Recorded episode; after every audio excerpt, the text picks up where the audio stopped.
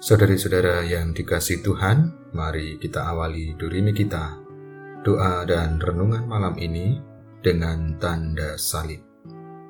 Dalam nama Bapa dan Putera dan Roh Kudus.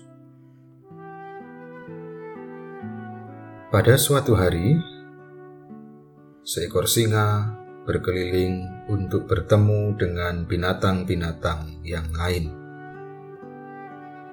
Pertama, ia berjumpa dengan seekor badak.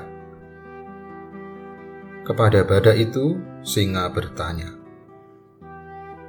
"Katakan dengan jujur, siapakah raja hutan sejati?" Badak menjawab, "Tentu saja Anda." Tidak puas dengan hal itu, Singa kemudian mendekati seekor kuda Nil dan naik di atas punggungnya. Sambil berada di atas punggung kuda Nil itu, singa berkata, "Menurutmu, siapakah raja hutan itu?" Kuda Nil menjawab, "Tentu saja Anda."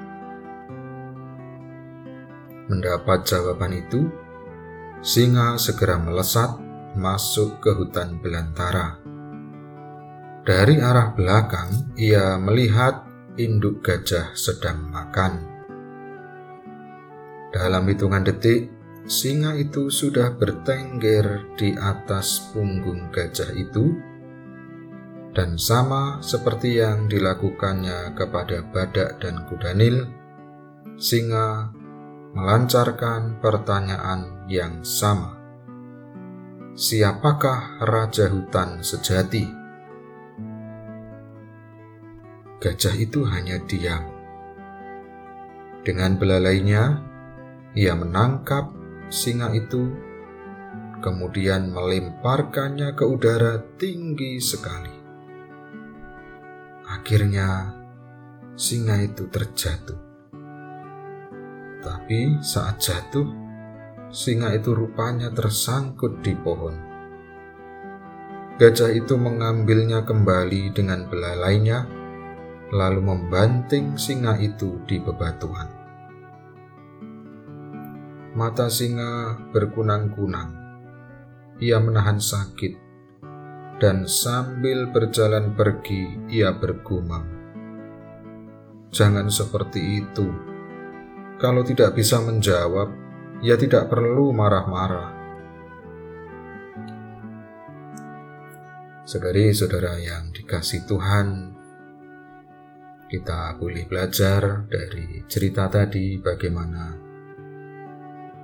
kerap kali kita bisa terjebak di dalam kesombongan.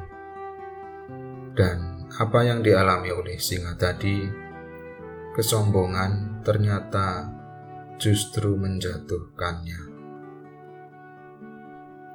Singa yang merasa dirinya paling hebat, yang merasa dirinya paling kuat, ternyata dijatuhkan oleh seekor gajah yang tidak banyak bicara, yang hanya diam saja.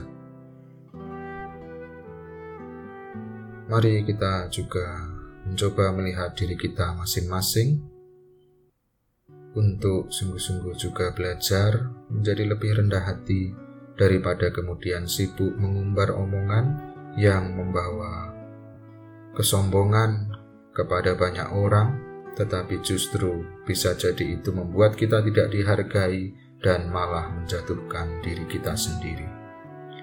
Mari saudara-saudara sebelum kita beristirahat malam ini kita mohon belas kasih dan kerahiman Tuhan. Allah yang Maha Rahim, aku menyesal atas dosa-dosaku.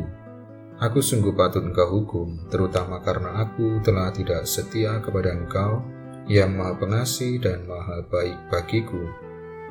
Aku benci akan segala dosaku dan berjanji dengan pertolongan rahmatmu hendak memperbaiki hidupku dan tidak akan berbuat dosa lagi.